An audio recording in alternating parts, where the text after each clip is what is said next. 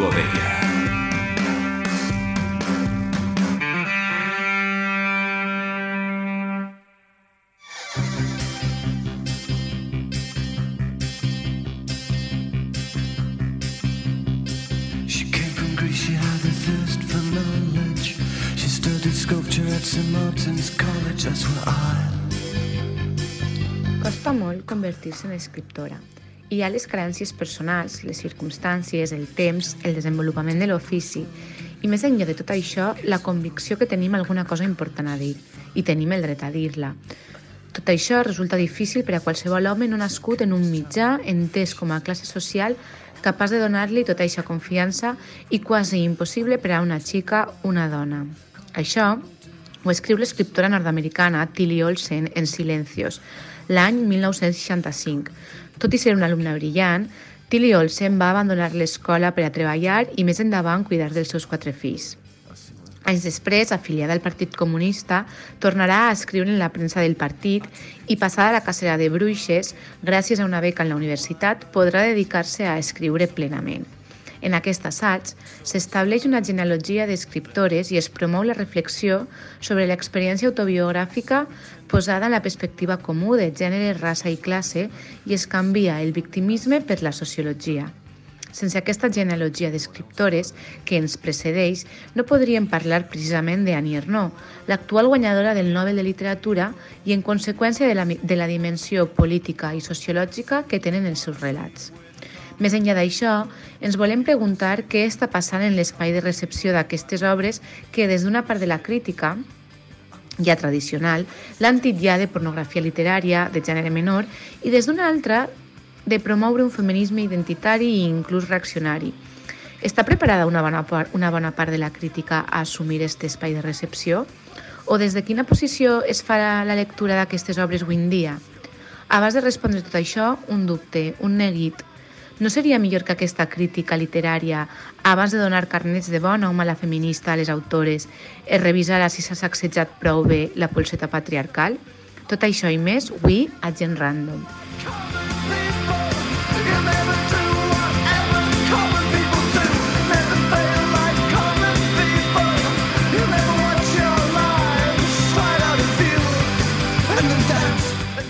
Hola, hola, hola. Hola, bona vesprada, Lourdes. Què tal, com estàs, Quim? Ei, pues bé, així estem. Amb la goleta un poc així a passar el dia de Sant Blai, que Vaja. haurem de demanar-li com us la curo un poquet, però molt bé, amb moltes ganes de fer este programa. Eh, bé, acabem d'escoltar en diferit la nostra companya en part, que per circumstàncies de la vida, anomenades exili docent, anomenades vida opositora, no ha pogut estar avui així amb nosaltres físicament, però estan els És nostres cors. raro que no estigui en par. Allà on estés, t'enviem un saludo. En algun, en algun Sí. punto de la línia de tren Barcelona-València. Però bé, igualment, Eh, sí, bueno, no està però ha començat potenta, eh? Sí, Perquè sí. ha començat ja repartint a tort i dret, eh, defensant el gènere del que parlarem avui, aquesta escriptura del jo, entre cometes, eh, que tan mal han entès o tan superficialment han, han entès alguna, la crítica en algunes ocasions.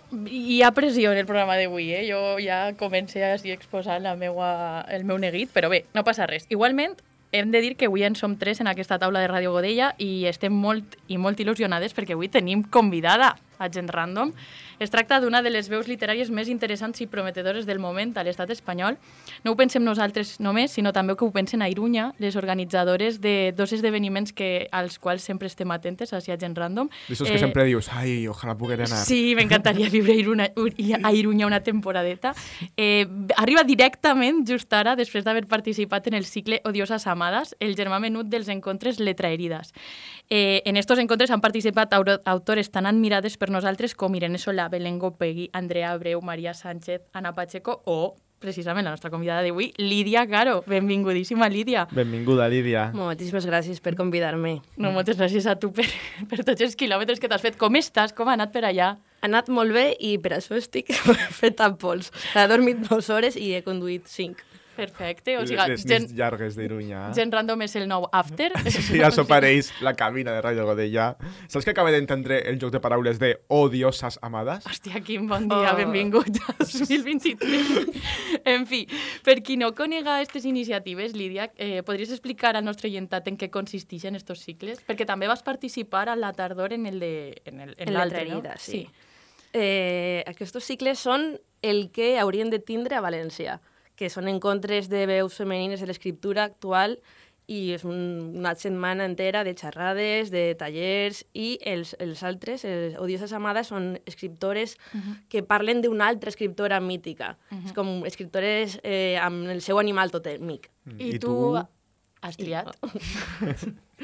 jo he parlat de Sílvia Plath, que també és moltíssima escriptura de jo. Que guai. De fet, ella quan va publicar La campana, eh, ahir va tindre movideta de si posava el seu nom i va publicar un pseudònim. Que guai, que guai, Jolín, ens haguera agradat molt. Bé, però això ho graven, no? O sigui, que després podem escoltar el vídeo de Odioses Amades. Letrerita sí que està gravat Sí, en altres sí, ocasions, i- que sí. s'han tragat unes quantes, el de N Solà i Mena... Sí. Varen tindre problemes de, de la Tècnics, tecnologia, ah. però... Bueno, no passa res.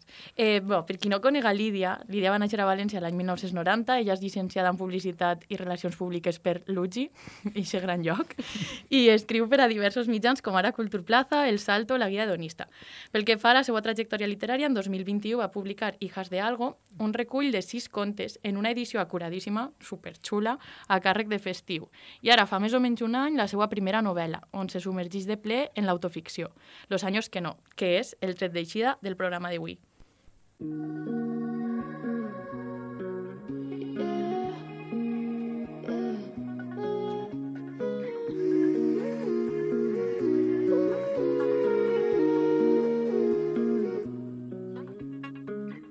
Angelito mío, dice no me fío, dice que proteja mi cash.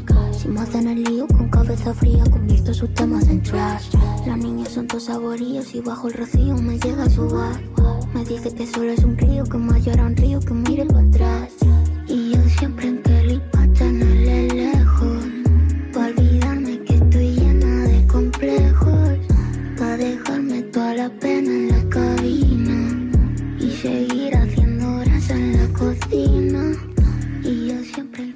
Una perla.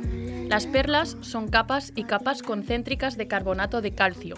Se forman cuando un organismo extraño se introduce en el cuerpo de un molusco.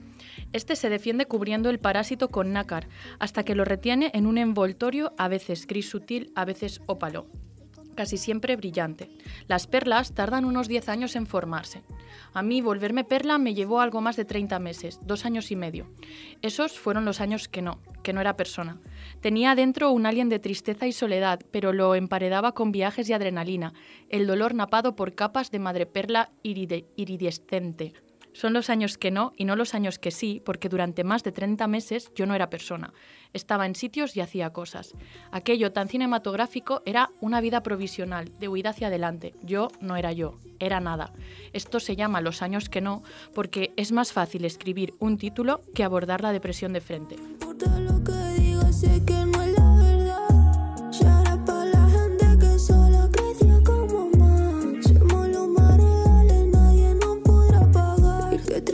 Sona Lejos, una col·laboració increïble entre Babi i Albany, que vaig descobrir precisament mentre llegia Los años que no. I em va semblar que n'hi anava bé, que era una banda sonora per a la novel·la. Los años que no és un relat fragmentari, ple de salts temporals, en què les línies que separen autora, narradora i protagonista es desdibuixen com manen els dictats de l'autoficció. Los años que no és literatura que sorgeix d'una violació, després arriba la fugida i després una depressió. Però no us deixeu enganyar per l'aparença de dramatisme d'aquesta sinopsi, perquè el que tinc tota la novel·la, per a mi, és l'honestedat i, sobretot, l'esperança. Però això m'ho reserve per al final. En primer lloc, Lídia, enhorabona per la novel·la, ens ha agradat molt, em consta que a Quim també. Sí, a mi també, me la vaig acabar en dos dies, Bé. no només per les presses que tenia per a fer el programa, que també, sinó perquè realment me va, me va atrapar bastant. És un, un dels valors que es llegís rapidíssim. Sí, seguís molt bé. I, I no sé si també el fet de veure-la situada en València, un, un, en un, bueno, una part de la novel·la en València, pues, t'interpel·lava més, o que sigues d'una generació com la nostra, amb alguns dels problemes que te pots sentir identificat, no? a nivell de precarietat i altres coses, pues, molt bé, molt bé. Així que tenia ara per a un rato de xarra. A mi em va colpir mogolló quan en una de les primeres pàgines o sigui, dius que eres Lídia Caro, saps? I era com... Clar, perquè... Bueno, això es pot contar, no? Clar, Lídia és alumna meua. o sigui, tot això naix que Lídia és alumna del seu de València a l'Escola d'Idiomes i aleshores com que va ser un maig, saps? Eh, llavors, el, el primer dia jo els vaig dir Claro. podeu Si- si posar jo sé que- tres noms Bueno, jo vaig, po- podeu posar tres noms de persones que vos... i vam posar Annie Ernaux i dic una cosa. Alumna preferida. Ahora vamos a hablar clarito, Eh, ¿sabes? no em posa bona nota, sempre. No. Hombre, perquè sóc una, És una professora objetiva. Soc una persona exigent. Però bueno... Eh, No, anava a dir que jo que només llegint la novel·la sent que te conec molt de tu, que he fet un, un m'he tirat de cap al teu, a la teva vida, al teu cos. Joder, si damunt eres profeteu. Clar, Vull dir, que què deus era- sentir tu, Lourdes? Pues no sé, jo patia, jo patia molt. Però, clar, i això és com un poc la primera pregunta. O sigui, el nivell d'exposició a què et sotmets quan decidixes escriure això, no? O sigui, convertir una violació patida en primera persona en literatura crec que és un exercici valent per molts motius, però sobretot per l'exposició pública que et somets, i ja que somets no només tu, sinó un episodi de la teua vida que a les dones sempre se'ns ha ensenyat a amagar, a relegar un poc a l'àmbit privat. Aleshores, per què decidixes fer-ho? I a més, des de l'autoficció no et dona una miqueta de vertigen este oversharing? En veritat no, perquè comunicar o parlar o escriure d'això no és donar no és obrir la porta a la intimitat, són coses diferents. O sigui, que n'hi hagi aquesta comunicació i confidència no implica una obertura total, a més és escriure. Jo tinc el timó i dic això va i això no. I de l'ús del nom propi, és que al final són noms propis i no són tan propis, perquè Lídia, Marta, Paula són noms que són corrents Mm. i em pareixia que si estava fent d'una violació, fent literatura, i és una cosa que m'ha sucedit a mi, eh, no posar el meu nom era traicionar la història. A més, quan vaig començar a escriure-la en tercera persona, no funcionava, uh -huh. és com molt lluny en primera, i si feia primera i posava un altre nom, em sentia com... Crec que si és super raro, sí. si estic reivindicant poder fer literatura de l'experiència personal, per què tinc que canviar-ho? Clar. I deia Nerno que ella escriu per a venjar la seva raça en el discurs que, que va fer per acceptar el Nobel, que per qui no l'hagi escoltat o llegit hi ha una traducció al castellà en el país que està a l'abast de tothom, vos el recomane molt. I jo volia saber si tu, amb els anys que no, has fet un exercici d'escriptura com a venjança o com a teràpia. És més venjança. Sí. Sí, perquè és, o sigui, és el meu dolor apropiar-me de la desgràcia personal que he tingut i poder fer amb ella el que volia. Uh -huh. Hi ha una... Jo tinc una sensació, llegint el llibre, de que durant un sense de la teva vida t'has sentit com una barqueta a la deriva, no? En esta societat que vivim avui en dia, líquida, que també en la novel·la n'hi ha guinyos ahí a la gent que abusa d'esta paraula, eh, al Susa, als Estats Units, que és on vas fugir després de, de, de la violació, buscant amistat o vincles en grups de meet-up, no? o quan tornes a València trobant que ja no encaixes en la nova realitat, que el món ha passat, la, la vida ha avançat i tu t'has quedat en un altre lloc. No? I damunt tens moltes coses pendents. Hi ha un fragment que dius La cruz de no conseguir trabajo era otra estación del Via Crucis. También no sacarme el carnet de conducir, ni el grado medio de valenciano. Eso ya estás arreglando, ¿eh? Gràcies, Lourdes. ni un grupo de amigos. Volví a Valencia y la ciudad estaba vacía. España seguía inmersa en la gran recesión y mis conocidos malvivían en capitales europeas sin crisis financiera. Quedaban restos de grupos con los que alguna vez había salido de fiesta, pero ninguno me admitía en su parroquia. El sentido de pertenencia me hubiera venido mejor que las pastillitas que me tomaba para dormirme a las 9 de la noche con la vana ilusión de que 12 horas después de sueño todo se hubiera arreglado. I m'ha impactat molt eh, perquè eh, dibuixes un retrat generacional en el que tantes de nosaltres ens hem pogut sentir identificades en alguna ocasió. Un temps de crisi econòmica, de migracions forçades, de relacions socials molt dèbils, de búsqueda d'una identitat. I no és ben bé cap pregunta el que te vull fer, és una reflexió. no, perquè a vegades eh, ostres, vivim relacions que, que semblen buides, no? que semblen una posada en escena o vincles funcionals, com, companyia, treball, sexe, festa, sense cap tipus de compromís darrere. No? Eh, joder, que complicat és, no? A certes edats, nosaltres que ja estem en els 30, els superem, No, perdona. o quasi estem en els 30. Estava esperant ese moment. Sí. És la conyeta constant, no? Quina, quina, quina cosa tornar a començar, tornar a fer amics, tornar a, a inserir-te en una ciutat que vas abandonar i que tot ha canviat, no? Sí, és no? però això són els anys, els anys que no, els anys que no. Eh, però, per una altra part, sí, la identitat és una búsqueda constant, no? Siga, pot ser siga con natural aquests moments de paró fins que trobes a nova gent o fins que tens un altre interès. Clar, pot ser com que el talló si te'n vas i tornes, o si te'n vas i recomences de zero és, és més evident, però que pot passar-te sense haver-te'n anat, o sigui, com aquests moments de recomensar. Sí. Suposo que és l'estafa de que ens han venut vides lineals, no? que sempre van com seguint una línia de progrés i la vida és una muntanya russa, no? I també la idea de que has de tindre tot ja, en seguida. Ahir parlant de Sílvia Plath era ja el que tenia la dicotomia de soc mare o soc artista. Mm. I aquesta ajuda és la que li va trastornar, a part Clar. de que tenia trastorno obsessivo. Això quan parlem de Carmen Laforet me sona. I, bueno, Sí. i, la, i el mes que ve, quan parlem de Carmen Sánchez Cotillas, i és que és un tema, el de la maternitat i l'escriptura, el de què faig, a què dedico el meu temps, a criar xiquillos o a escriure, I- que ha travessat tantes autores. I jo ara que estic veient, per a ser part de la vostra quadrilla, estic veient l'amiga estupenda. Ah, muy bien, sèrie. encara no l'havies fet, que fort. I estic ja... i, Bueno, pues Per a que no se'n recorde, eh, sèrie inspirada en les novel·les d'Elena Ferrante. I n'hi ha un moment que l'Enu es queda embarassada i... O sigui, que no vol quedar-se embarassada perquè ella diu que vol seguir escrivint, no? De fet, ara que m'he llegit Memòria de noia i un poquet de nada, no me l'he acabat, en el meu cap, Anir no, o sigui, bueno, la noia del 58 i la protagonista de nada eren l'Enu, o sigui, vull dir, Sí. no sé com que me les imaginava com Jo ella. també me les imaginava. Sí, sí total, totalment.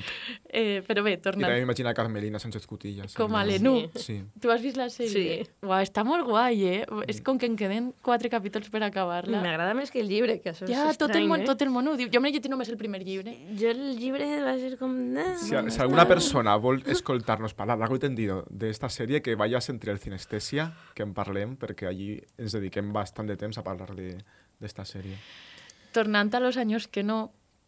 Ai, lo, sí, los años que no, mare meva. Perdoneu-me, és que estic supercansada esta setmana, eh? però estic bé. Eh...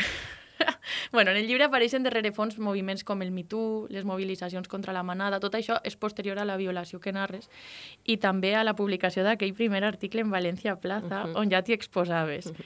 Eh, també apareix una crítica frontal al títol octavo del Código Penal. I ara s'acaba d'aprovar la llei solo si és sí. De fet, esta setmana hi ha hagut com bastant mogudeta. No se para de otra cosa, ¿eh? En la cadena SER no se habla de otra cosa. Sí, jo també em poso cadena ser de matí i dic, eh, per què em faig això? Però, bueno, eh, no sé si això de la publicació de la llei de Solo si és sí t'haguera fet replantejar-te la narració o, o l'enfocament de la novel·la d'una altra manera. Mm, jo crec que el sentit general de la societat moltes vegades és demanar més penes, més càstig, més punitivisme, però tanmateix la protagonista, la narradora, tu... Hi ha un moment en què es pregunta si el dolor s'acaba realment amb una sentència.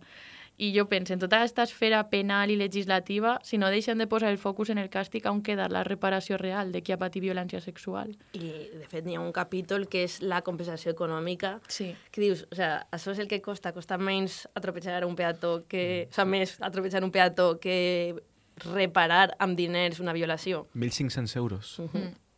És que és fort, això, eh? Clar. No sé tu com, es, com estàs vivint això ara, no? Tot el rebombori de la llei de solo si sí, si et ressona, no sé.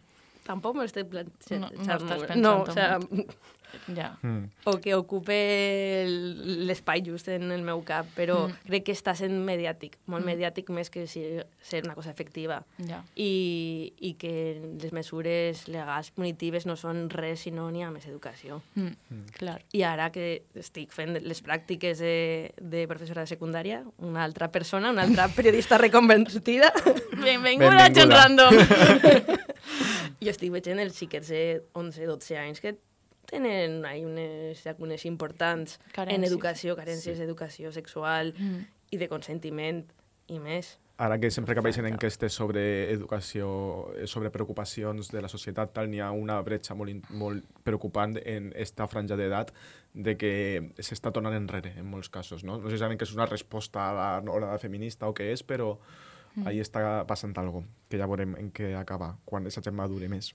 I quan hi ha un canvi de govern. I quan hi hagi un canvi de govern, sí. Eh, el tema de la condició de víctima és un tema del que també ens agradaria parlar perquè tu, durant tota la novel·la, com que narres com te allunyes d'aquesta categoria, no? Tu te vas a un altre país, a començar una vida nova, a fer borrón i cuenta nova, eh, puges muntanyes quan més altes millor, te'n vas eh, a viatges quan més lluny millor, fas tot el necessari per a fugir de la- de l'etiqueta de víctima perquè, com dius en una part de la novel·la, nadie quiere enrollarse con una víctima.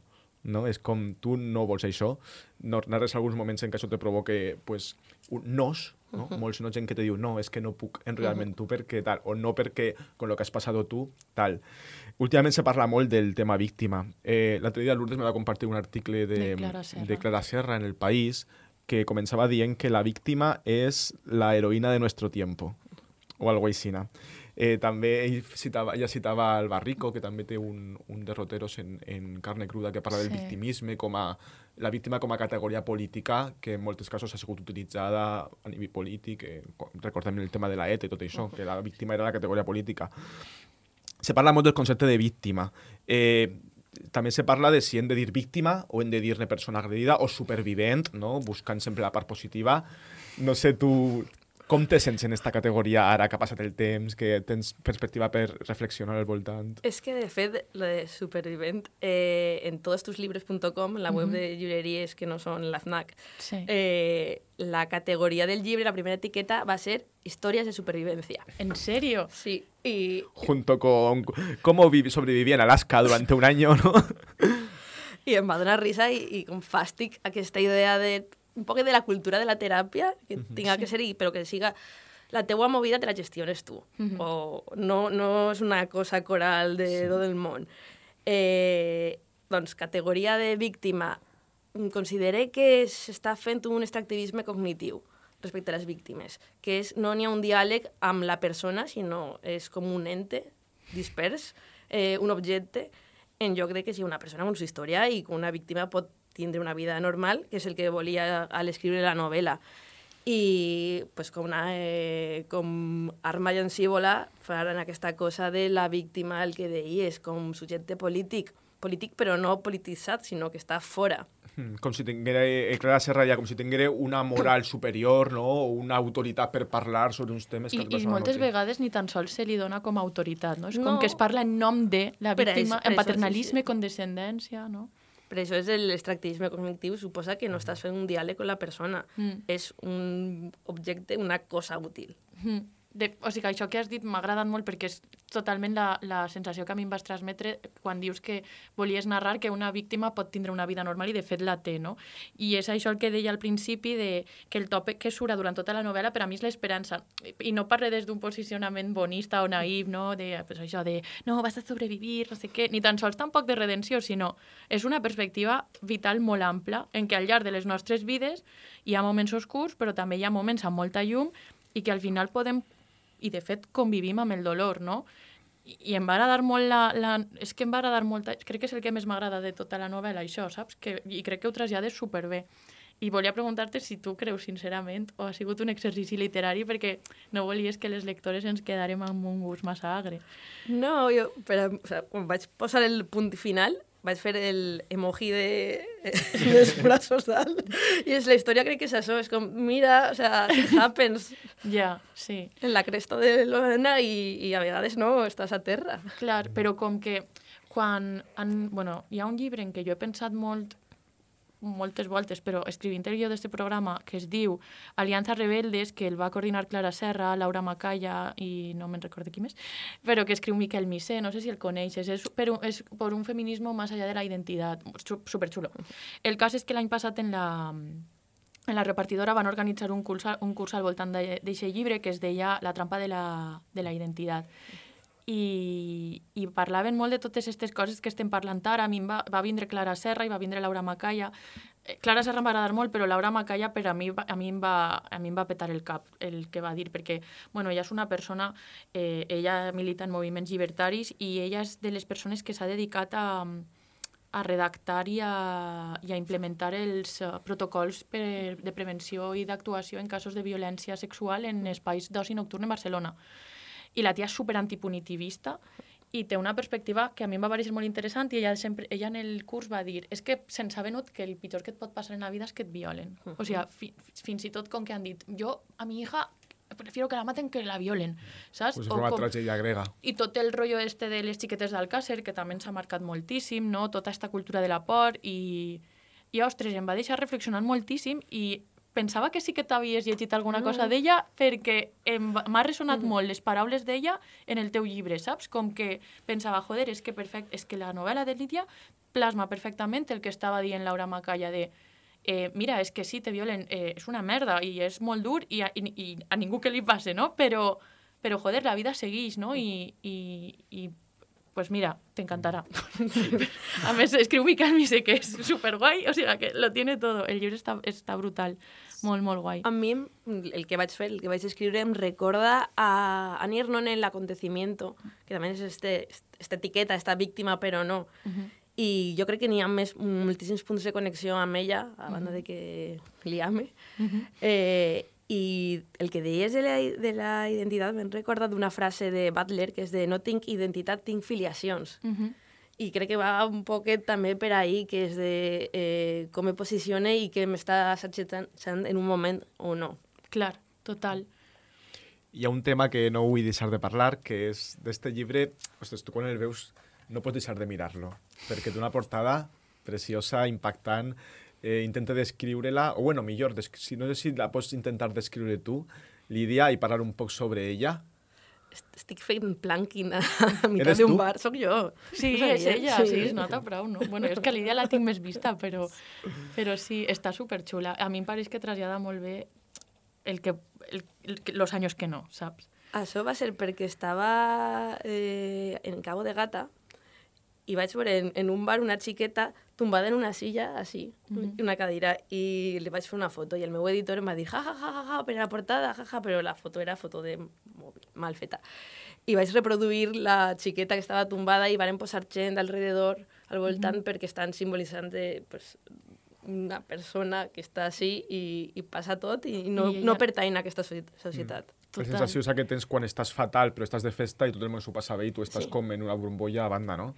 La foto és de Quiqueta Berner, és xulíssima, la van posar en xarxes, no van posar la, fot no van posar la, la imatge del llibre perquè volíem que es vegera bé la fotografia, superxula, i de fet hi ha com dos o tres persones que m'han escrit per dir-me hòstia, quina foto més guai, tal. És molt guai. Molt guai. Sí, el, el bar és el bar Pegaso, que són amics, després de la foto. Des, ah, abans no. No, no, no, no, les vaig dir, puc fer una foto així per a, per a la portada d'un llibre? I van dir, clar, vaig pagar 50 euros, van Ah, tindre cervesa. No, no, amb, amb cervesa. Ah, Ah, vale, però vale. tots els figurants, no? Sí. Molt bé. I on cert- està el bar Pegaso? En, en front de la biblioteca de l'hospital. Ah, que guai. Ah, molt bé.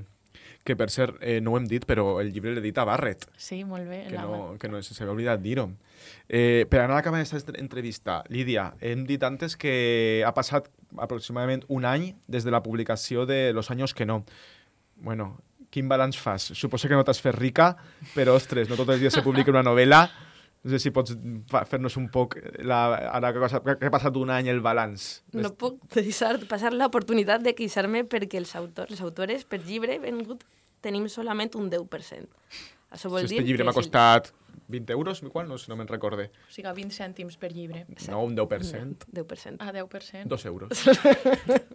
Ai, és que jo, bueno, estic molt cansada. Compreu llibres. Exacte. No, la reflexió és... Eh, jo no esperava la recepció que ha tingut el llibre, perquè per a mi té una història d'amor molt potent i solament m'han preguntat per la violació, per la part aquesta de reivindicativa. I al principi em queixava i ara ja estic dient sí. I ho hem fet nosaltres. Ho hem no fet. res. De fet, tenim una pregunta i hem dit, no mos donarà temps, la tatxem. No, la, Però la... vols parlar-ne de la història d'amor? Que vulgueu. no, la cosa és que tens que significar-te tot el temps quan estàs fent un escrit feminista. Ja no solament de soc escriptora, ja que és la meva valua és escriure, sinó qual és el missatge que tens detrás. És educatiu, sí, però té un punt de... Jo, és que tots els dies tenim que educar alguna cosa com dones, com feministes.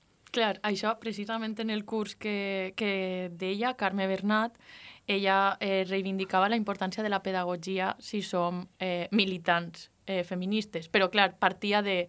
Últimament he escoltat molt, estic cansada de fer pedagogia, perquè és que al final, clar que esgota.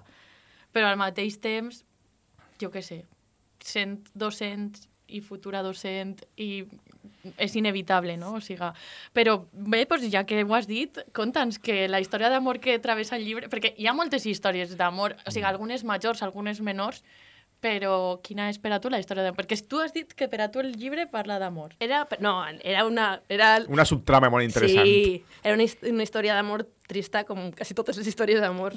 Clar, eh, no sé on llegia fa poc, crec que era un text de Leila Guerriero, que deia que al final, n'hi ha, sempre que comences una història d'amor hi ha una clàusula en lletra menuda que ningú vol llegir, que és que té un final. I aleshores... Un final dolorós, no? Sempre és... Bueno, sí, Sí. sempre és dolorós. Aleshores, eh, bueno, si vols contar quina és aquesta història d'amor... Ai, és que és dolorós també. Val, perfecte, doncs no obrim meló, perquè en tinc un altre millor. I és que nosaltres sabem que a banda d'escriure Hijas de algo i Los años que no, has participat en un llibre coordinat per Vicent Marco sobre esmorzars. Home, lo que més ens agrada bon Aleshores, eh, clar, nosaltres volíem preguntar-te, Lídia, tu has escrit sobre dones esmorzadores. Quin, con... quin... Quina idea et mereix el concepte d'hetero de bocadillo gran? Perquè ens consta que ens has escoltat. Sí, clar que sí. I per això tinc cacaus perfa tatuat a la cama. Cacaus perfa tatuat en la cama. Tenim així a una bisexual de bocadillo gran? Eh, repite la pregunta. Que què et pareix el concepte, si creus que existeix, tu que, estàs, que eres especialista en esmorzars. Totalment, i el que, el que dic, el que dic a, a la part aquesta del llibre de Vicent Marco és que quan ets dona i vas a esmorzar a un bar de polígon, entres i és com el, la pel·lícula de l'oeste. Sí. sí. Tot el món es Tot, gira. Sí, i, i és, bueno, sí, està molt avançat, però en coses tan quotidianes com anar a esmorzar al lloc de 5 euros d'esmorzar, passen aquestes coses. Després no passa res, però tens la, la pressió, És la miradeta per ahí. ambiente. Sí. Per què? Perquè són espais reservats als heteros de bocadillo grande. Mm, Exactament. sí, i esa part de la masculinitat a la que no vull renunciar, perquè m'encanta.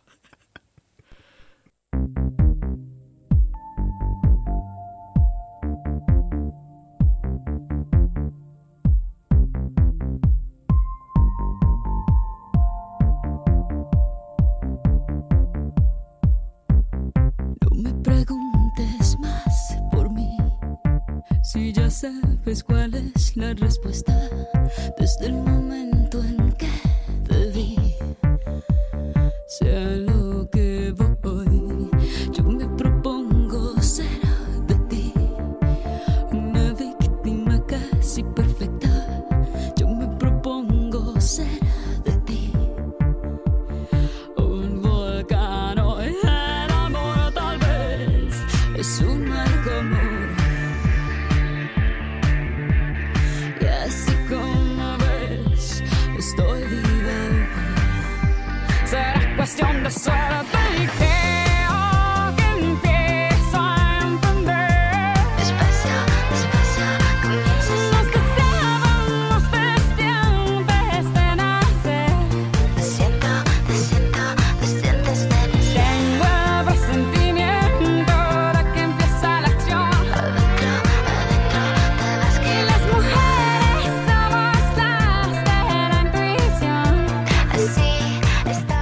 terme literatura femenina s'assembla molt al de música en valencià. S'assenyala el que des de la norma es considera l'alteritat i s'acaba clavant dins del mateix sac una sèrie de creacions artístiques que res tenen a veure entre elles més enllà del gènere de qui les escriu o de la llengua en què són cantades. Lucía Ligmaer ho explicava de categoria aquesta setmana al País amb el fascinante fenómeno de la mujer única. Diu, la mujer única como arquetipo exige que cualquier acción cometida por una mujer deba ser entendida como una representación de la totalidad de las mujeres. Y afegeix, su arquetipo es insaciable y busca devorar cualquier alternativa o disidencia. Rebatámoslo pues desde el disenso, mujeres del mundo, ya no como una sola, sino como muchas, muchísimas, infinitas todas. Grande, Litzmayer. Reivindicar les escriptures del jo en femení no va de voler universalitzar l'experiència femenina, va més en la línia de creure que la literatura pot construir, com diu Paul Wask, mons particulars on els altres es poden sumar, mons particulars que no s'aïllen ni són autorreferencials, sinó que s'eixamplen amb cada lectura. así estoy dispuesta a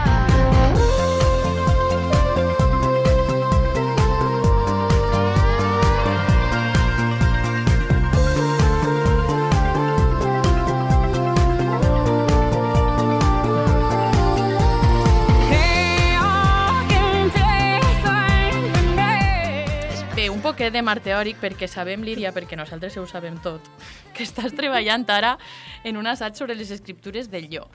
Diguérem que precisament aquest és el gran gènere no? que agrupa des de l'autobiografia fins a l'autoficció, passant per l'autosociobiografia que fa la mateixa Annie Ernaux, de que ara en parlarem, però per situar-nos una miqueta i abans de començar, podries ahir un poquet per a eh, d'umís eh, aclarir-nos cada concepte, així com... No, i dic per què no. Molt bé, ens està boicotejant el programa, te voy a suspender. no, per fa. No, és que precisament el que estic escrivint en, en l'assaig és que... Mm, és literatura, és la literatura, que és el problema filosòfic, que és eh, la humanitat sempre ha intentat compren comprendre com una cosa pot tindre diferents formes però continuant sent la mateixa cosa. Doncs és literatura i li posem les etiquetes d'autoficció, jo, però al final jo està diluït en qualsevol exercici d'escriptura perquè és impossible escriure aïllat de totes les coses. Clar, sí, és molt I difícil. s'està utilitzant pues, per a denostar l'escriptura de les dones, precisament. Exacte, és el que deia en part en l'editorial, no? De manera total. interessada o superficial, en tot cas, com a, com a mm, una arma arrojadiza. Eh, um, jo ara vull parlar-vos d'una de les meues noves obsessions, però per començar anem a escoltar un àudio. Novela insulsa, sin estilo ni valor literario alguno, se reduce a describir cómo pasó un año en Barcelona en casa de sus tíos una chica universitaria, sin peripecias de relieve, creo que no hay inconveniente en su publicación. Què, vos falla ganes de llegir-vos esta novela? No massa. No, Nada, nada. Eh, pues estas paraules són les que figuren en l'expedient que va escriure la censura franquista per a la novel·la Nada. Millor dit, per a la novel·lassa Nada, que segurament burlaria la censura gràcies a la idiotesa del censor. Ha arribat el moment de destapar la meva nova obsessió, que és Carmen Laforet. No sé per què he tardat tant en arribar a ella. No sé si és culpa de la meva profe de valencià, de castellà, perdó, del batxillerat, si és culpa Tot és culpa de... de les profes de València al final, eh? si és culpa de, de que jo fins ara no he mirat com se mereix aquesta autora, però jo fins que no va ser en el 2021 aniversari del, del seu naixement, el centenari del seu naixement, no vaig saber qui era Carmen Laforet, i això no pot ser. A partir d'ara, Lourdes tindrà una... Igual que Lourdes eh, té una obsessió que és Zambra, jo tindré la meva pròpia, que es diu Carmen Laforet, vaig a llegir tot el que s'ha publicat sobre ella, Jo he de dir que no tinc una obsessió només, vull dir que jo sóc d'obsessió fàcil, sóc poliamorosa. Bien. Aleshores, jo, Zambra, sí, però, però moltes altres coses, eh? O sigui que, bueno... en Doncs fi. parlem una mica de Carmen Laforet, de nada i d'alguna cosa més sobre ella. Eh, és curiós perquè, bueno, vaig llegir una frase molt bonica que algú la definia com un rayo de luz en una Espanya partida en dos. Mare meva, és que és, és vibes Kim total, esta frase, eh? vull dir... Però és veritat, perquè ens hem de situar en la immediata postguerra, a principis dels anys 40. Eh, Espanya destruïda, encara no s'ha recuperat, esos anys de fam i misèria, un panorama cultural desolador, i ahí apareix Carmen Laforet amb només 23 anys presentant esta novel·leta als Premis Nadal, que és, avui en dia encara és un dels premis eh, amb millor reputació del nostre panorama, del panorama hispànic, i guanyant. Guanyant. És fort, en realitat, això, si ho És penses, fort. no? És com que ara et, sorprèn, et sorprens, no? Sí. Poses en valor que una dona guanya un premi i tal, no sé què, i en ple franquisme ja guanya. Però era anònim, no? Vaig estar Suposo que llegint. sí, normalment se presenten baix un pseudònim Mm. i clar, quan se destapa el sobre és com, ostres, ¿quién es esta mujer?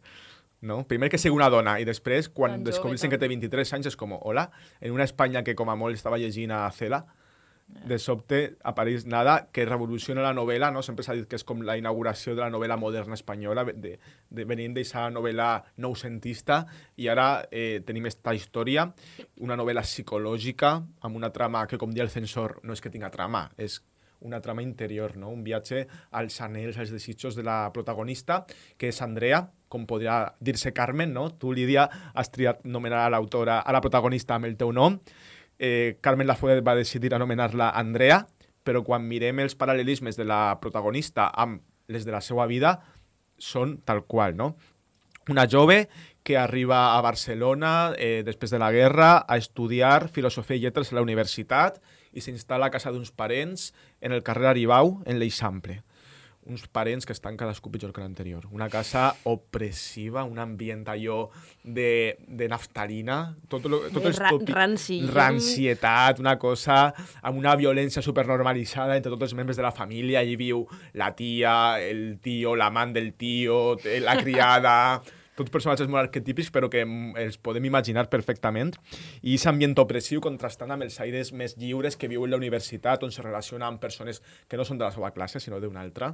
És com si ja no se sentira en el seu lloc ahí, no? Ahí me donava vibes a quan eh, Ana Pacheco en Guapas Listas Limpias anava a una festa universitaria i la gent hablava de cine coreano. Pues así igual, però en els anys 40. Parlaven de Rimbaud, no sé què, com si hagueren conviscut, en, com Ja, si hagueren ah, sí, crescut sí, sí. llegint a Rimbaud, no? I aquella, ah, sí, sí, Claro, sí. pues podeu imaginar aquest ambient, no?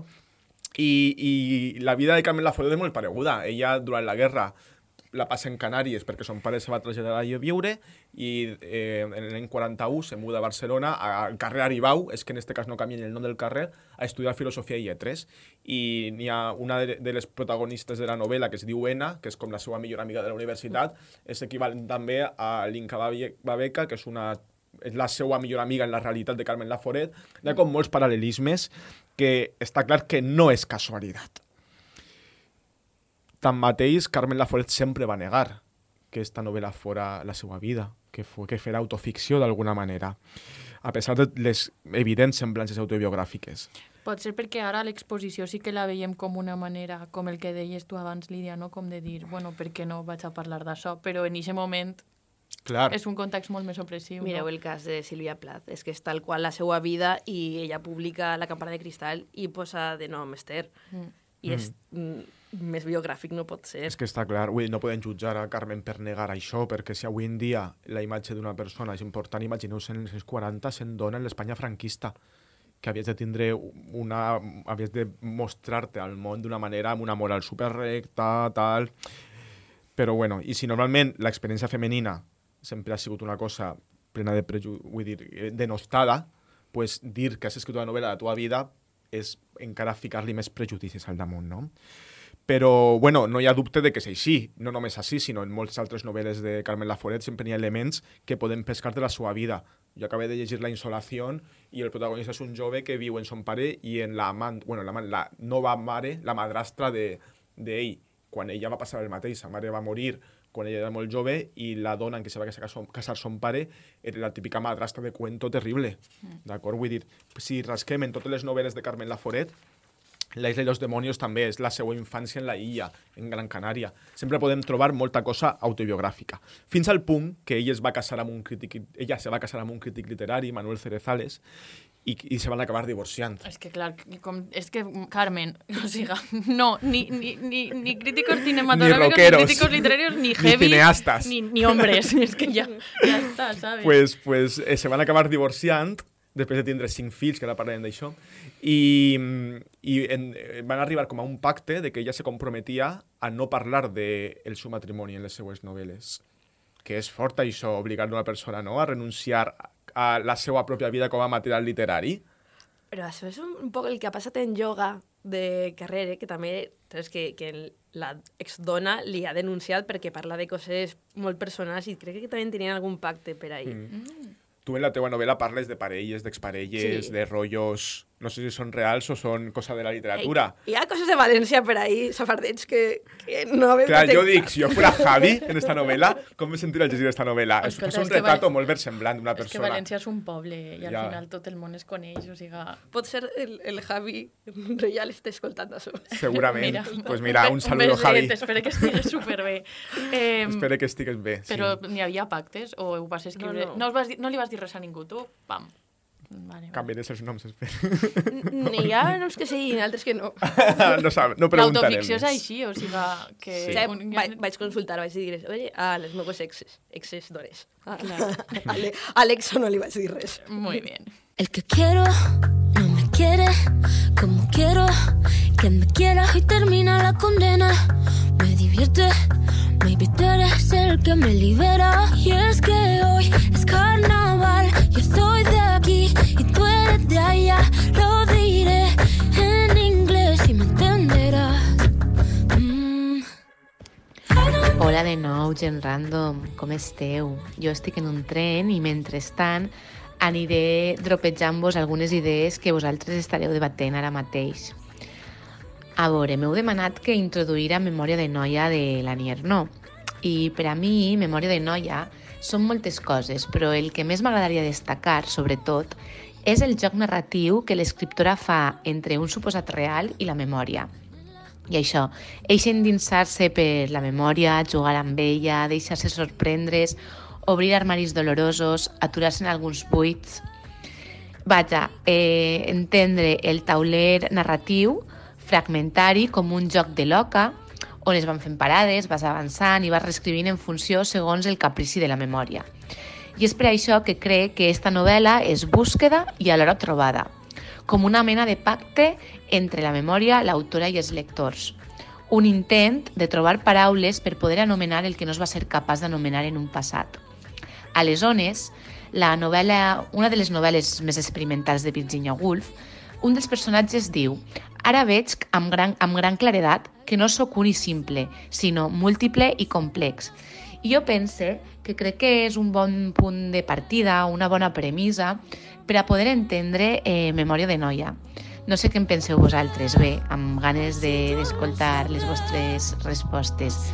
Una abraçadeta. Adeu. Sabré que fue real, será mi tótem, lo sabes tú y nadie más.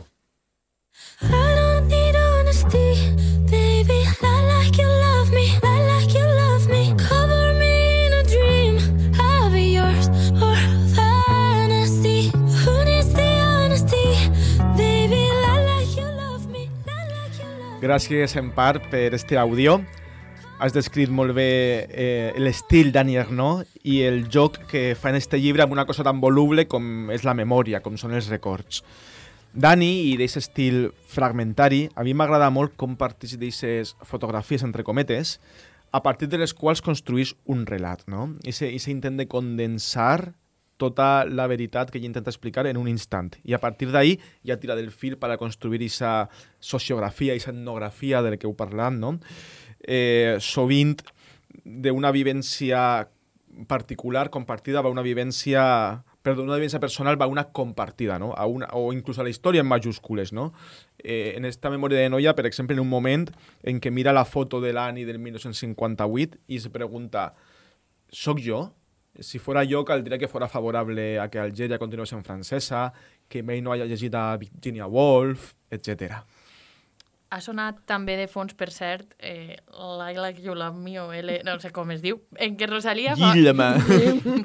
En què Rosalia fa un alegat de la mentida, de l'engatuse este que comentàvem en el programa anterior. Res més allunyat del que reivindica Annie Ernaux, la qual rebutja la fricció, la ficció, la fricció igual també, no ho sé, frontalment en la seva obra literària. Eh, M'agrada el que ha dit en part sobre el joc de l'oca, crec que és molt visual. Sí, és una metàfora molt visual. Mm. M'ha fascinat el llibre, és el primer que m'he llegit Annie Ernaux. Estava, tenia molta pressió perquè dic, mira que ara sí, mi- mira que si ara no m'agrada, què fem? Eh, però és que és un exercici de memòria cap al seu jo postadolescent, un jo que, havia, que ella mateixa s'havia negat durant molts anys i remarca una frase que diu que m'ha agradat molt, que diu que la memòria és una forma de coneixement. Però Lídia, si haguérem d'explicar-li a algú que no se l'ha llegit de què va el llibre, tu què li diries? que és Anir, no? O sigui, no fa falta. Anir, no? És, és l'ama fent de, del record, fent ficció o realitat. Jo, sé, jo tinc la teoria de que no existeix la ficció i no existeix la realitat. Uau. Per què? Eh, en el- Conversa de after, eh? Ja, eh? Perdona, total. que. Però i si no comença el tu llibre, en una de les cites que tens al principi, diu, la verdad tiene estructura de ficción, no? de, Total, de sí, Lacan. Sí, de Lacan. Molt de- d'after, d'aquest universi ambient universitari.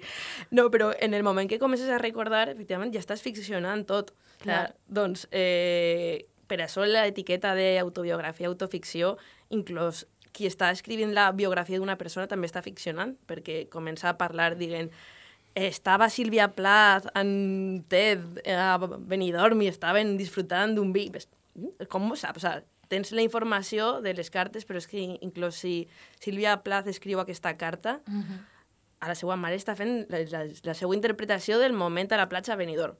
Clar, i tu mateixa, quan tu recordes el passat, al final, també el filtre és, tens filtres, no? La O sigui, memòria passa una lija per molts records, que els, des d'avui se'ls esborra, eh, prioritza uns altres. I depèn de quan recordes, recordes unes coses o unes Claro. altres. També tendim a recordar només lo bo, no? O sigui, Sí. com un mecanisme un D'això poc vam de parlar molt en el supervivència. Club de Lectura de la Repar amb eh, Els dies bons d'Aina Fullana, Sí. que era molt com de tres persones recorden un mateix fet i cadascuna destaca una cosa. I al Clar. final semblen tres relats totalment diferents, però és el mateix relat, el remat. I és que per Anir, no, més que fer memòries, està fent imatges que té i la, per la percepció que ha tingut. I m'agrada moltíssim d'ella, sobretot a Mira les luces, amor mío, Mhm. que pot fer de anar al supermercat, pot escriure un llibre i explicar el context mm, socioeconòmic de França en aquest moment o el seu de, de la infantesa. Mm, a mi en est- este m'ha agradat perquè em pareixia com... És com un, un poc a veure.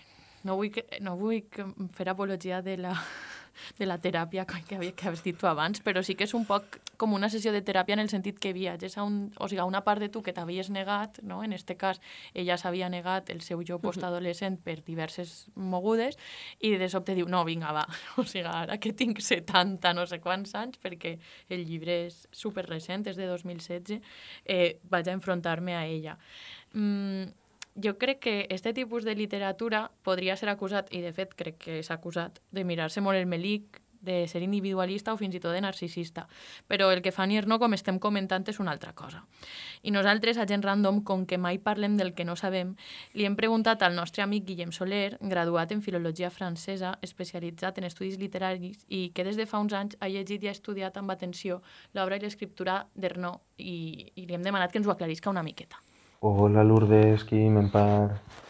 Doncs sobre això que comenteu de Annie Ernaux, jo pense que sí, Annie Ernaux és una escriptora que parla i escriu sobre la seva experiència individual i ho fa a través de relats sobre els seus pares, sobre relacions sexoafectives que ha tingut, eh, sobre els, un avortament no? eh, o altres històries. No? I fins ahir no n'hi ha res de negatiu pel que fa al gènere autobiogràfic.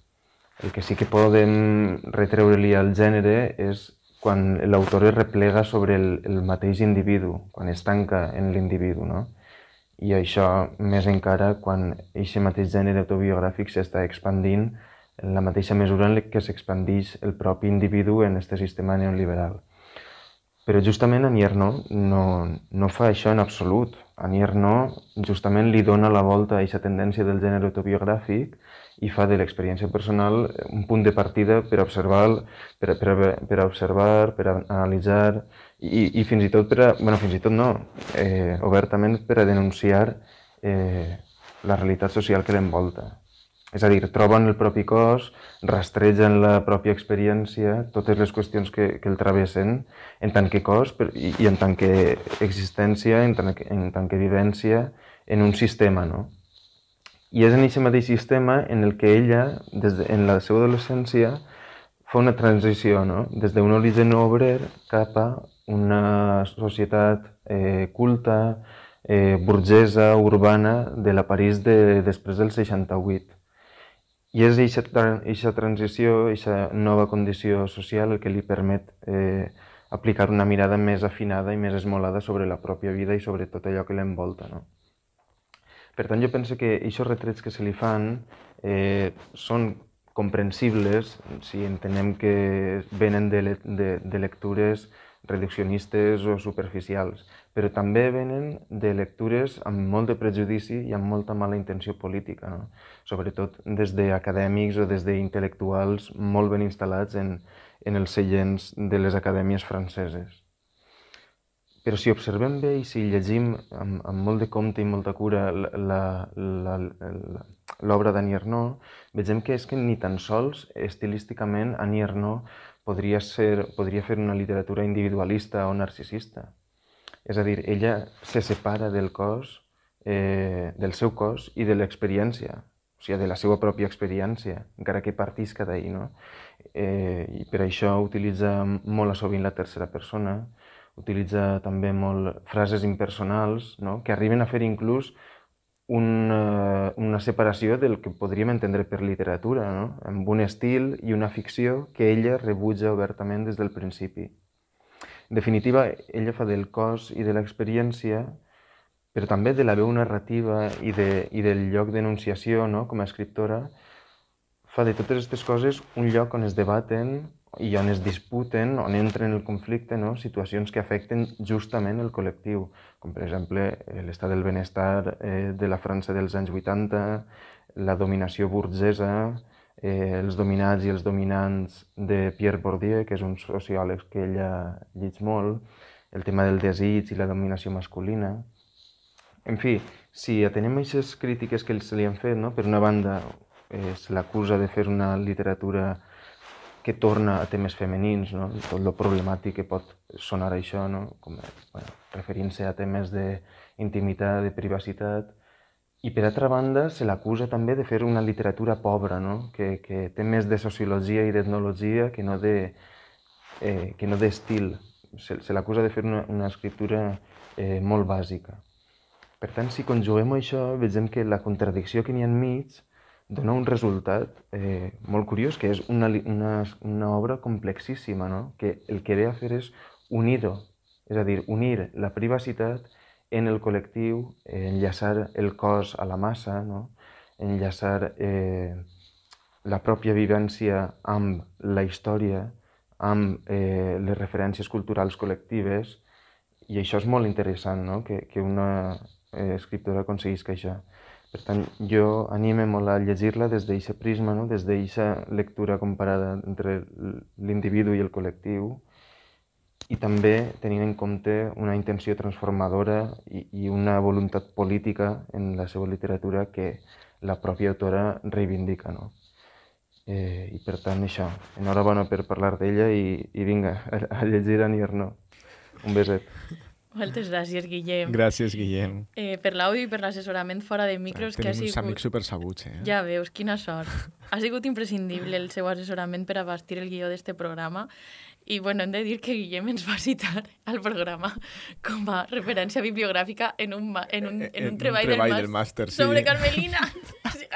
Mos encanta Gens ser referència bibliogràfica. Referència bibliogràfica, així en, en, en En Dialnet, algun en La paper. Rioja, ¿sabes? O sea, que, en fi, que res, que, que molt bé, que molt bé. Sí, m'ha encantat lo de enllaçar el cos a la massa. Eh? Sí. És que m'ho he imaginat i és que és tal qual. Que... Estàvem així I- les tres supercallades, superbé. escoltant superatentament el que Sí, estava és el, la quarta volta que escolto este àudio, però no me canse. Gràcies, Guillem. Il est six heures au clocher de l'église. Dans le square, les fleurs poétisent. Une fille va sortir de la mairie. Comme chaque soir, je l'attends, elle me sourit. Il faudrait que je lui parle à tout prix. Je lui dirai les mots bleus, les mots qu'on dit avec les yeux. Parler me semble ridicule. Je m'élance et puis je recule devant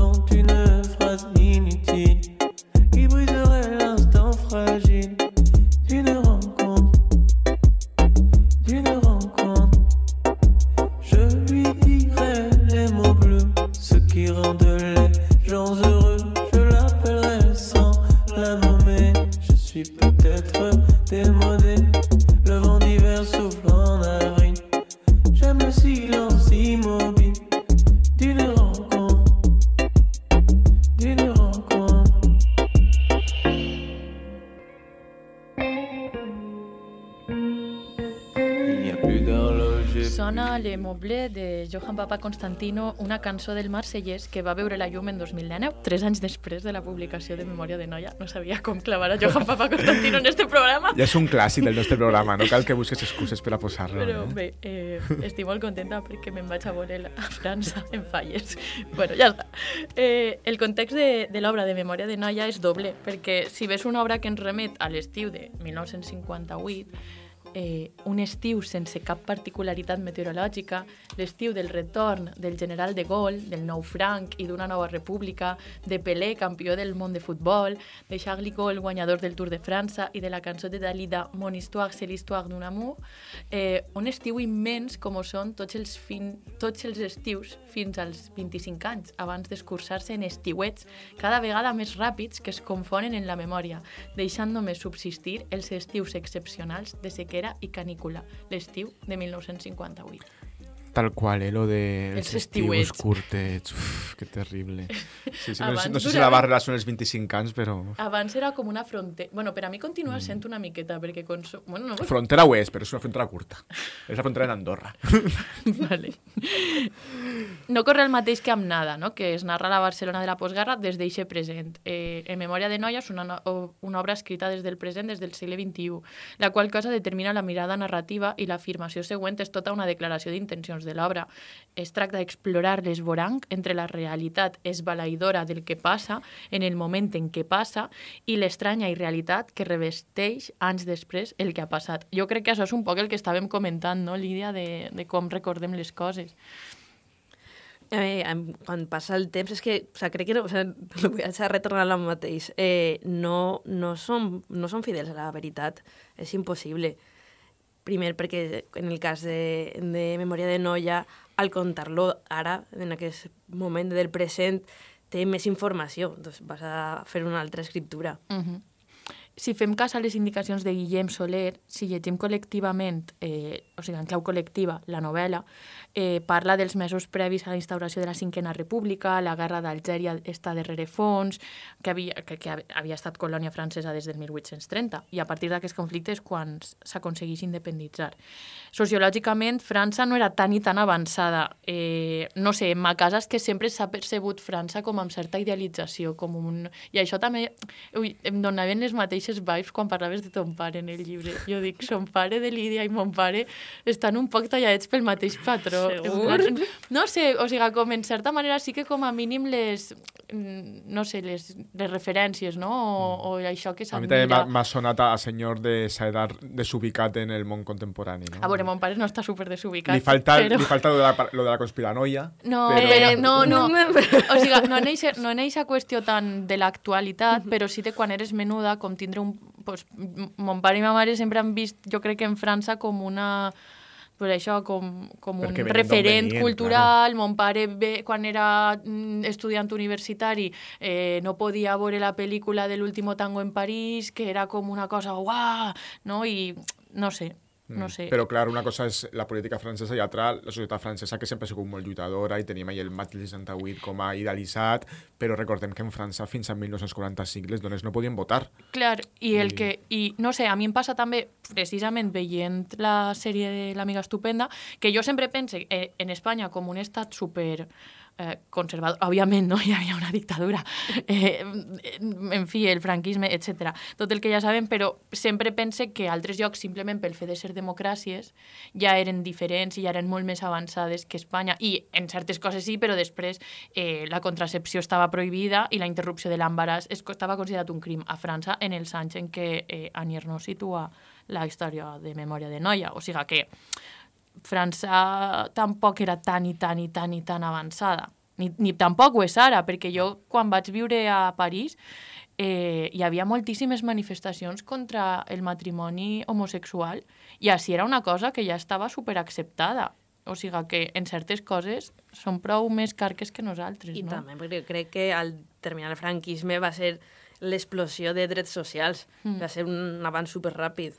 Clar, en molt poc de temps, també un poc com una contraposició, no? Però si mirem el context individual eh, que, en què situa Ernaux, Memòria de Noia, és el context de qui complís 18 anys i té ànsies de volar, eh, passa un primer estiu fora de casa i un dels pares, viu les seues primeres experiències sexuals amb homes, se'n va estudiar a la uni, s'equivoca de carrera, aleshores se'n va a l'estranger. Vaya, eh, un poquito vibes, los años que no, un poquet de fugida, en plan, va passar, a no, no és el mateix, però no. Podríem trobar paral·lelismes, si ens esforcem podríem trobar-los. Eh, crec que et retrata molt bé la primera etapa de decisions vitals grans. Quan, eres, eh, quan comences a fer-te adulta et creus que eres supermadura, supermajor i en realitat no tens ni puta idea de res. El canvi de la protagonista, de la noia del 58, es fa patent precisament a través de la seva relació amb el context històric en què conviu, un poc el que comentava Guillem en l'àudio. Comença sent favorable a que Algèria continuï sent francesa. Crec que no s'ho planteja massa, no? És com que diu, bé, és el que toca, bé, sí, francesa, bé, perfecte. I acaba posicionant-se d'una manera radicalment diferent. Eh, les crítiques que ha rebut tradicionalment l'obra d'Annie Ernaux també les ha comentades Guillem, però jo crec que ara amb el Nobel la cosa s'ha disparat una miqueta, no sé vosaltres com ho percebeu. Hi ha més exposició, òbviament està més exposada a la crítica i n'hi ha moltes persones que igual eh, la llegeixen superficialment, no vull pensar que malintencionadament. Diguem que superficialment, i claro, llegeixen, sin afullegen un poquet per damunt, diuen, ui, esto habla d'amor, no sé què, ya no va en mí, ¿no? Lo mismo de siempre, o una, otra mujer hablando de sus dramas amorosos. Otra- Jo crec que és una visió super superficial que, bueno, mm, hauríem de donar una oportunitat a Annie Arnaud, perquè, com hem vist, no és això, en absolut és això. I no que passa moltíssim aquesta idea de ara n'hi ha moltíssims llibres publicats per dones. Sé que som el 50% de, de la població i no és que n'hi hagi ara molts llibres publicats per dones, és que abans no hi havia literatura escrita per dones. Uh -huh. Crec que, que la majoria que de crítiques que rep en l'actualitat són prou fàcils, no? O sigui, sobretot tenint en compte que venen de gent que enarbola la bandera de és que ja no pots criticar a una dona sense que et diguen que eres misògin, estem sotmesos a la llei del silenci, ens censuren, eh, la cancel·lació, no, no sé què... Bueno, Els, esmorzars són més cars ara perquè s'ha posat de moda. Porque las mujeres van. es que, claro, Lidia, com se t'ocorre anar a esmorzar, joder. Eh, però ara a França, de fet, hi ha un debat prou candent perquè hi havia una part de la crítica que esperava que el guardó el guanyara Michel Hule... Joder, Com Hul- pronunciem això? Hulbeck. Lilbeck. Eh, I han acabat, eh, o sigui, s'ha acabat erigint aquesta figura com la contrària o la contraposada a Ernaux. Jo crec que en realitat no és tant, és més com la recepció que se n'ha fet, eh? Però jo d'Ulbeck no tinc massa idea, només eh? so, eh, els memes que eixen en Twitter Literatura i que l'ha editat Anagrama. Però no sé si vosaltres sabeu més d'ell. Jo he llegit prou d'ell. I t'agrada? He llegit per a criticar-ho, per a criticar-ho amb fondament. No, no m'agrada, o sigui, m'agradaven alguns dels llibres que té, però su missió em pareix que és... Ese és el que van acusar de ser molt islamòfobo, no? Sí, però moltíssim. O sigui, que és un tio conservador realment i prou Jo matxirulí, el veig no? un canallita i un, No, un jo no tinc ni idea, enfant eh? terrible d'estos, no? Jo veig de, de que vol que la gent parle d'ell i fa aquest esperpento. Polemista. Sí, totalment. Com si fos la, la nova dreta, la dreta als Estats Units fent totes les coses com la pizzeria amb la rana i totes les confabulacions. Mm. Sí. Eh, bé, el que dèiem, eh, la França no és tan bonica com, com a vegades idealitzem, no? Òbviament l'Espanya franquista tampoc ho era i si Carme, si, perdó, Xenier no parla des d'aquesta França dels anys 50, que en algunes coses era més avançada i en altres no, eh, Carmen Laforet escriu des, de la, des del fons del pou podem dir, una Espanya que acaba de ser de la guerra, i si primer franquisme encara medio nazi, una Espanya grisa, eh, i, i en nada, Carmen Laforet fa un retrat de la generació que va viure això. Una generació que havia conegut la república, havia viscut la guerra, i ara veia eh, com el seu país se convertia en un règim totalitari. Tot És- això enmig de la fam i de la misèria. És que a mi em passa que jo penso molt en eixa època i dic que heavy si ara visquérem un retro... Perquè ara es parla molt que hi ha com molts retrocessos o que estem vivint una època molt conservadora i jo estic d'acord, però pense, hòstia, és que tu imagina't que ara de sobte zas, i te'n vas a viure al franquisme, saps? Vull dir que és que És fort, eh? és molt fort aquest canvi, eh? Sí, eh, clar, tu pensa que dels seus amics d'universitat eh, la majoria tenien familiars presos o els havien tingut durant els anys de la guerra perquè eren franquistes. Eh, una Espanya dividida eh, i, i fam. Tots passaven fam. Andrea, la protagonista, passa la novel·la recorrent Barcelona eh, menjant migues, menjant molles. Jo patís per ella, perquè ella renuncia a pagar per estar en casa dels parents que volien fer-li pagar per tindre el menú i se dedica a buscar-se la vida eh, menjant restes, eh, caminar tot el dia per ahí fent de flaner per no menjar, per no pensar en menjar. Fam física i fam també cultural, fam intel·lectual. També ella parla a voltes de com estaven tots esperant reedicions de llibres, mm. perquè la guerra havia acabat amb això. Una Espanya que, que com he dit abans, el més avançat que se llegia era Azorín. I ahí és on hi romp, on hi romp Carmen Laforet amb esta, amb esta novel·la. Una novel·la psicològica, molt diferent al que havia fins al moment, i descrivint una, una Barcelona que la pura descripció que fa ja és una crítica al franquisme perquè aquesta descripció de la ciutat encara amb el port amb baixes mig enfonsats, la, la fam que patia ella i els seus companys, eh, és, a vegades s'ha dit eh, és que Carmen Laforet no criticava el franquisme, no s'implicava no sé què, Home, jo crec que tampoc cal que facis un manifesto comunista per a criticar el franquisme, vull dir que simplement de manera sutil, eh, sense dir-ho amb, amb tot, però eh, deixant-lo deixant anar, ja feies bastanta crítica. Jo crec que fa com un cavall de Troia. Com fa, Mm. enfonsa aquesta idea super subtil i, i el que parla de passar fam, crec que és un, dels temes de la literatura espanyola és La fam. La fam. Jo mm, sempre me'n recordo que m'abuelo em deia que per ahir la guerra no va ser dura, sinó que ho va ser més la postguerra. I Això que el que més recorda és la postguerra. És de veres que així al País Valencià la guerra a veure, sí que hi havia bombardejos i tal, però, bueno, Estellers sempre parla de la guerra com un temps feliç, que em Mm. flipa. L'entrevista que Sí. té amb Montserrat Roig, que és una passada, ell diu que per ahir la guerra va ser el moment del despertar sexual. Sí. I aleshores, clar, eh, pues això, que la postguerra sempre és com molt més... És més dura. Més dura, jo crec que és un poc com... A veure, este paral·lelisme és un poc perillós, però com quan estàvem confinats i després ens van desconfinar. O sigui, jo recorde 2021 molt més dur que 2020, perquè en 2020 encara tenies l'esperança de estic confinada però quan isca tot serà normal, no? O sigui, en, jo crec que potser en la guerra encara també hi havia com aquesta esperança de en algun moment s'acabarà i tot tornarà a la normalitat. Mm. Però la postguerra ja és el moment de la desesperança total, no? I això també parla Sí, molt amb Almudena la, amb la Grandes. cartilla de racionament, recordant sempre que, que no hi ha menjar per tots. Sí. I a mi m'ha passat, Lourdes, tu te'n recordes quan vam llegir Panzo de Burro? Que va, Com oblidar aquest grandiós moment de la meva vida? Però que vam dir, ostres, que guai perquè per fi la nostra generació està escrivint, no? Mm. I per fi ens sentim identificades en una novel·la com la generació, nostra generació com a protagonista. Que m'ha passat també amb los anys que no, en moltes coses. Sí, pues jo crec, tu imagina't una persona jove de 20 i pocs anys en els 140 en aquesta fam intel·lectual que li arriba nada. És que això te canvia. Clar. Clar, És la identificació. T'identifiques totalment, vull dir, és en plan, sí soy. I damunt és el que diem sempre, no? que al final veure't representat la teua vida o la teua experiència, en certa manera, que estiga en la literatura la legitima, no? Mm, clar. Eh, ella, de fet, eh, va influir molt a les dones que vindrien després, dones escriptores com Carmen Martín Gaite, Ana Maria Matute, que eren només uns anys més joves que ella, perquè ja va començar a publicar molt jove, però eh, sense Carmen Laforet potser no, no hagueren sentit aquesta inspiració. Ella és com la baula que enllaça aquesta generació de les dones que escriuen els 50-60 amb les de la generació de l'exili, no? La sin sombrero, Exacte, amb eixa Rosa Chacel, Maria León... És com la, la unió entre aquestes dues generacions, totalment. Cuéntales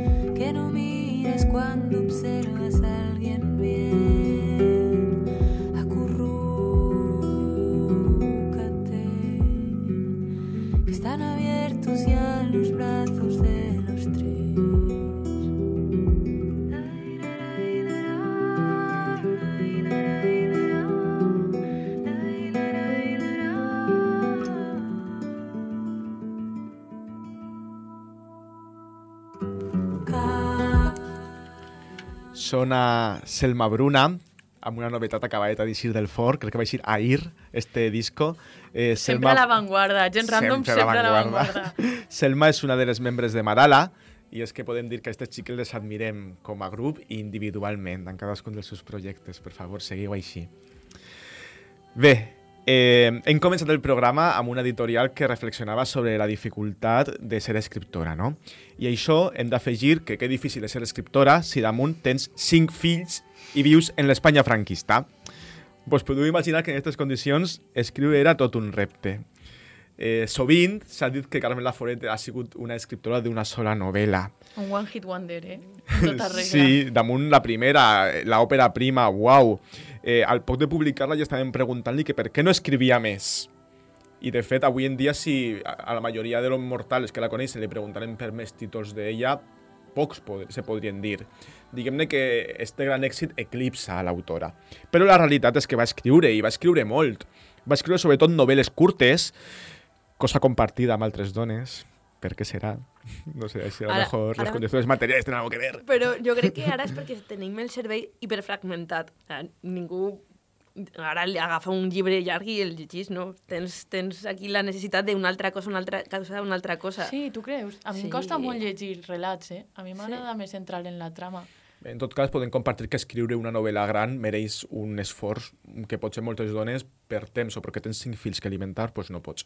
Llavors, ella va escriure molta novel·la curta, però també va escriure novel·les. És que té cinc novel·les llargues. Ja veus, és que és Cinc. com que cinc, so, només cinc i dius només cinc. Només o sigui, cinc, És que sí. imagina't escriure cinc novel·les. Nada, eh, La isla de los demonios, La mujer no sé qué, no sé, no me recorde, La insolación, que m'ha encantat, i, de, i era la primera part d'una trilogia que mai va acabar. Mm. D'acord? Però té molt, i per no parlar de tota la seva feina periodística com a articulista que escrivia en totes les revistes de l'època, en Destino, en ja... Totes escrivia Carmen Laforet. Ara crec que bueno, han fet com reculls. Eh, I encara aixina, la crítica li preguntava constantment per què no escrivia més, per què no escrivia més. I li feien preguntes en plan eh, prefereixes escriure o tindre fills? Esculls els teus fills o els teus llibres? Preguntes que a un, a un home mai no se li faria. Hi ha un programa de carne cruda que parla d'ella i parla de la medicalització de, que tenien les dones de l'època. No sé si l'heu escoltat. Sí, molt sí, no me'n recorde, però sí. Com que... És que jo tampoc me'n recorde molt bé. Mira, me'l volia escoltar abans d'aquest programa, però no m'ha donat temps, perquè la vida m'ha atropellat. Eh, però sí, era això com que eh, a les dones de l'època com que se les medicalitzava molt a la lleugera, no? Sí, bueno, i avui I ara dia. també. I ara. també. Per ser la, la que has nomenat un altre podcast, eh, n'hi ha una sèrie de tres podcasts que va fer Radio Televisió Espanyola sobre Carmen Laforet eh, quan el centenari que es diu La verdad en libertat. I jo els super recomano, són super interessants. Eh, total, que Carmen Laforet pues, tenia la seva caseta d'estiu, que era el seu refugi, i ella aprofitava, se'n retirava alguns caps de setmana a sola, sense xiquillos, per escriure, perquè si no, pues no. I en Cadicina, pues, la crítica era implacable amb ella. No? I esa crítica implacable, que no deixava passar una, junt a que el caràcter suposa que seria Carmen Laforet, que seria perfeccionista de per si, feia que fos super exigent. Super exigent. Damunt, sobretot la primera obra, la peta com la peta És banada. que això, això ha de ser... Clar, després cada paraula no mai pots estar com a l'altura, no? Perquè sempre el pitjor és la segona novel·la, no, Lídia? Jo, jo penso més en el, en el cas d'Andrea Breu, Mm. amb panza de burro, després que escrius després. Ja. Això. Ja. I Sí. com està tothom mirant-te de, de què vas a fer ara perquè no estàs escrivint, perquè ja està espallet, Ja. se'n va tornar a Canàries i viu un poquet allunada de tot. Ja. Mm, és que això eclipsa, eh? Sí, i eclipsa. ha de ser molt complicat Sí. de gestionar les, expect les expectatives sobre una mateixa sempre són complicades, però si tens un focus mediàtic apuntant-te, Sí. com molt pitjor, no? Els que coneixien a Carmen Laforet deien que tatxava... O sigui, que tu veies un manuscrit seu i estava ple de tatxons, cada frase... Les seues frases són molt simples, molt senzilles, diu molt amb molt poc, però en Caricina, qui la coneixia contava que el procés era supercomplex de cada frase. Mm. Darrere d'aquesta senzillesa n'hi ha mil tatxons, mil tatxons. I era obsessiva fins al punt que, com vos dic, eh, la seva última novel·la, que se diu Al volver la esquina, que era la segona d'aquesta trilogia, se va publicar de manera pòstuma, Mm. perquè quan ella, es diu que quan va portar, la va deixar en imprenta i va tornar després, en plan, endur-se-la, perquè no mai estava contenta. No sé si a tu, Lida, com a escriptora, tens aquesta sensació de novel·la mai acabada, que podes estar retocant-la hasta el fin de los días? No, con los años que no, vas posar el punt final, però després sí que tens moltíssim feina amb l'editor de revisar coses i canviar. Però també és que el tema, al final, un tema, tractar una violació pròpia desgasta i tens que posar el final per salut mental. Claro. Sobre la recepció de l'obra per part de la crítica, crec que va el següent àudio d'Empar, que és el que despedís el programa amb una última reflexió. Hola, gent random. Intentaré ser ràpida en aquesta pregunta perquè crec que estareu arribant a l'hora i ja estareu posant-vos nerviosets. Bé, la pregunta va per a Lídia. Lídia, un plaer saludar- saludar-te. Eh, per el guió em consta que heu estat parlant d'una forma molt clara i didàctica sobre la literatura del jo i tot el que s'inclou dins del gènere o no. Siga com siga, estem parlant de ficció i, per tant, les obres estan emparades per això, per la mateixa ficció. A mi m'agradaria preguntar-te per la recepció d'aquestes obres i tancar un poc el cercle que hem obert a l'inici. Com a autora, però també com a periodista cultural, Lídia, creus que la recepció de la dona en ficció diguem que ha assolit o ha arribat, ha arribat a una certa complexitat i això ha provocat unes certes torpeses o uns certs recels o inclús interessos a l'hora d'interpretar aquestes obres a vegades sospite que s'estan tillant moltes obres fetes per dones com a reaccionàries i crec que, que, el que se'ns està colant és una crítica profundament patriarcal i que s'oblida d'una cosa molt important, i és que l'obra eh, podrà o no aguantar-se per enlloc, però al cap i a la fi és ficció, queda protegida per la ficció. Però, en canvi, la crítica eh, ha de ser rigorosa, eh, podrà ser més enginyosa, menys, però al final no ha de perdre el focus d'aquesta rigorositat. Eh, no sé si, si compartiu aquesta reflexió, si no, i, i com ho veieu. Bueno, vinga, eh, ahora sí me despido. Un beso. Chao, chao. Moltes gràcies, en part. Eh, i crec que hi ha una cosa que és el periodisme i la crítica buscant sempre aquesta veritat i, i fer la lectura i la interpretació, com acabem de fer amb Carmen Lafore, de, de bueno, és que la seva vida és pareguda. I això ens oculta la part artística i, i llegir per plaer, no? que passa moltíssim amb, com Sílvia Plath, després d'haver estat parlant tres hores ahir d'ella, de, que els poemes estan interpretats des de ah, és que li va passar això al seu pare, no sé quants, i no estàs veient la Ja. bellesa que té d'imatges. I com fem això? Siga, si una cosa que té la literatura és no ser útil per a res. És meravellós cre crear mons, mons possibles, perquè hem de tornar a aquesta realitat, a aquesta presència, a aquest món insípid buscant què coses n'hi ha, què coses ha, ha, ha, queria dir la persona, l'escriptora, i ens lleva de la literatura moltíssim. O la búsqueda, això és literatura, és ficció, no té per què tindrà aquesta obligació de fer política. Que sí, que òbviament que té el poder, però que no ha d'ocultar tot el que hi ha. Jo ahir pense que dos coses. La primera, que estem en un món molt...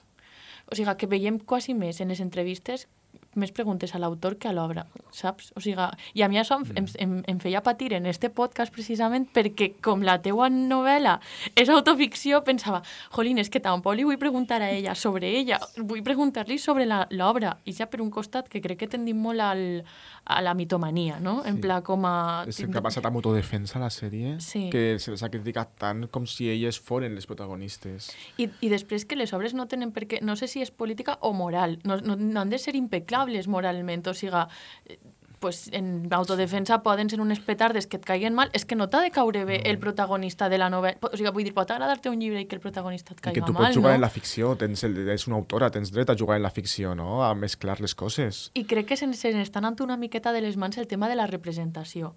En pla, perquè quan va ser tot el rotllo d'autodefensa era com...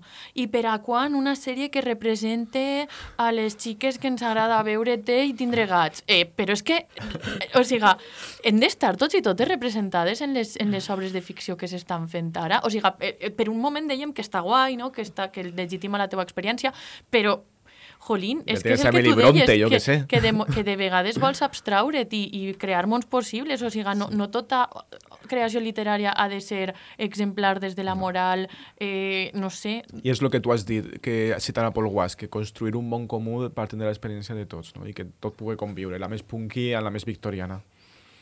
Sí. Jo crec que també hi ha moltíssim de mercantilitzar les coses. Mm. És això de la literatura, té el propòsit de representar-nos, és buscar-li una utilitat. I, I tot té que tindre una utilitat, tot el temps està mesurat, tot, eh, tot artefacte literari té la seva destinació. I, i no. no, no. clar. No.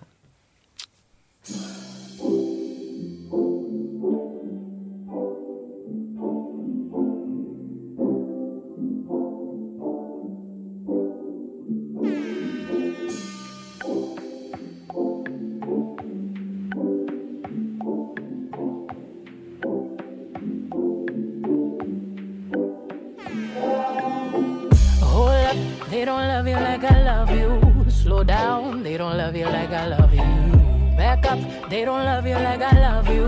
Step down, they don't love you like I love you. Can't you see there's no other man above you? What a wicked way to treat the girl that loves you. Oh, Hold up, they don't love you like I love you. Hold down, they don't love you like I love you. Bé, anem tancant ja i ho fem amb una cançó que ens ha portat Lídia. Conta'ns quina és i per què l'has triada. No, Beyoncé sempre. De fet, eh, aquestes dues hores que he dormit únicament és perquè ahir vaig estar est- fins a les 7 ballant Beyoncé, entre altres, entre altres icones. Eh, abans de que Shakira eh, fera la cançó contra Piqué, ja existia l'autoficció en la música comercial, sea, s'ha fet moltíssim. I Beyoncé el que fa en el, en el disc de Lemonade és aprofitar com a excusa conceptual el, los, els totxos que els po li posa Jay- Jay-Z, és? Sí, sí, sí. Molt bé, doncs has portat Beyoncé a Gent Random, has fet el que en part no ha aconseguit en tres temporades. Per què? Perquè Sempre a ella li mola intenta i molt li i sempre vol posar-la, però és com, bueno, crec que a vosaltres no us agrada No tant. I s'agrada. sempre intenta com No. buscar una justificació a les cançons, si no la troba... Jo no, jo no, jo no és que no m'agradi, és que tampoc l'escolta la massa, eh? O sigui, vull dir... Jo, No. Beyoncé fa autoficció en tots els discos i tots els discos tenen un concepte detrás, detrás i és aprofitar el, el, el seu moment sentimental per a fer una producció. Per exorcisar, no? Un Sí, poc. bueno, jo crec que és tot per guanyar diners i en aquest cas sí. Bé, doncs... Eh. S'anem despedint. Sí, eh, en primer lloc volem agrair-te, Lídia, haver vingut, o sigui, d'Empalme quasi, des d'Irunya. Moltíssimes gràcies, ha sigut Moltes gràcies. superguai. Moltíssimes gràcies per convidar-me. Eh, molt guai també l'àudio de Guillem Soler, moltíssimes gràcies. No ho he dit, però és d'Albaida, el millor poble del món. Som a punt sempre per a Lourdes. Eh, moltes gràcies, Jordi Coll, per estar als comandaments de la nau. I moltes gràcies també a tot el món que mos ha votat per als Premis 310. Ole, que mos hem classificat! L'any que ve, no, setmana Esta, la setmana que ve me n'anem de gala.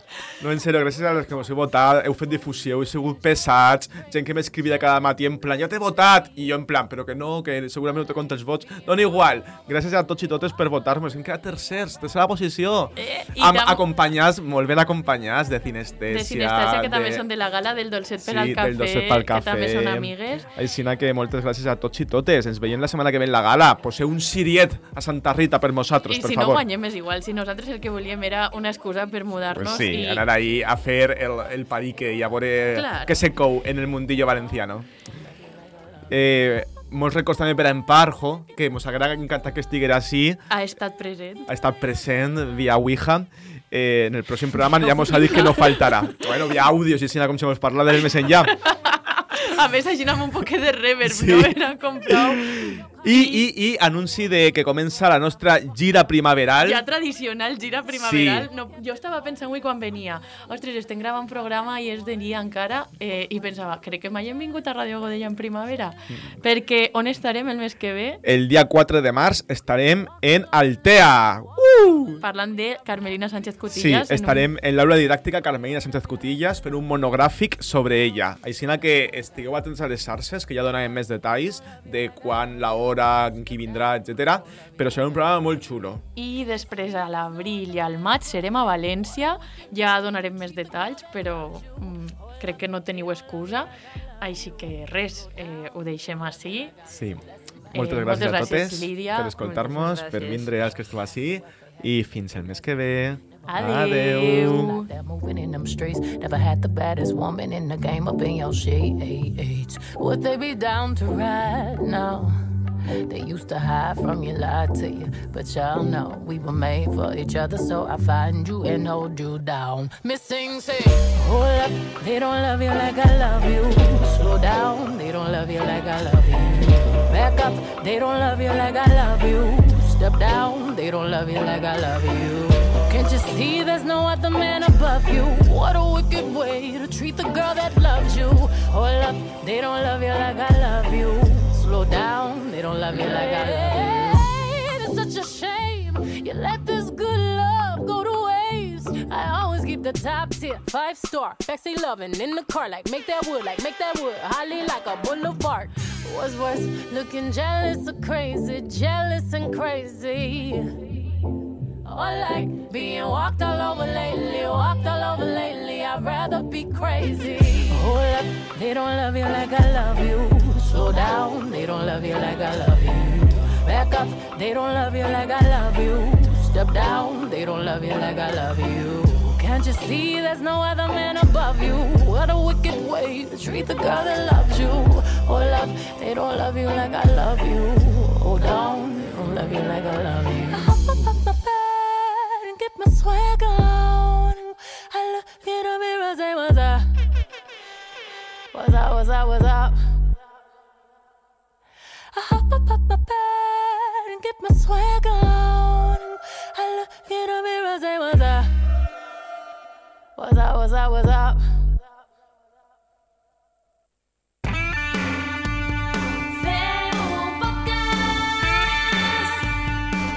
Radio Gómez.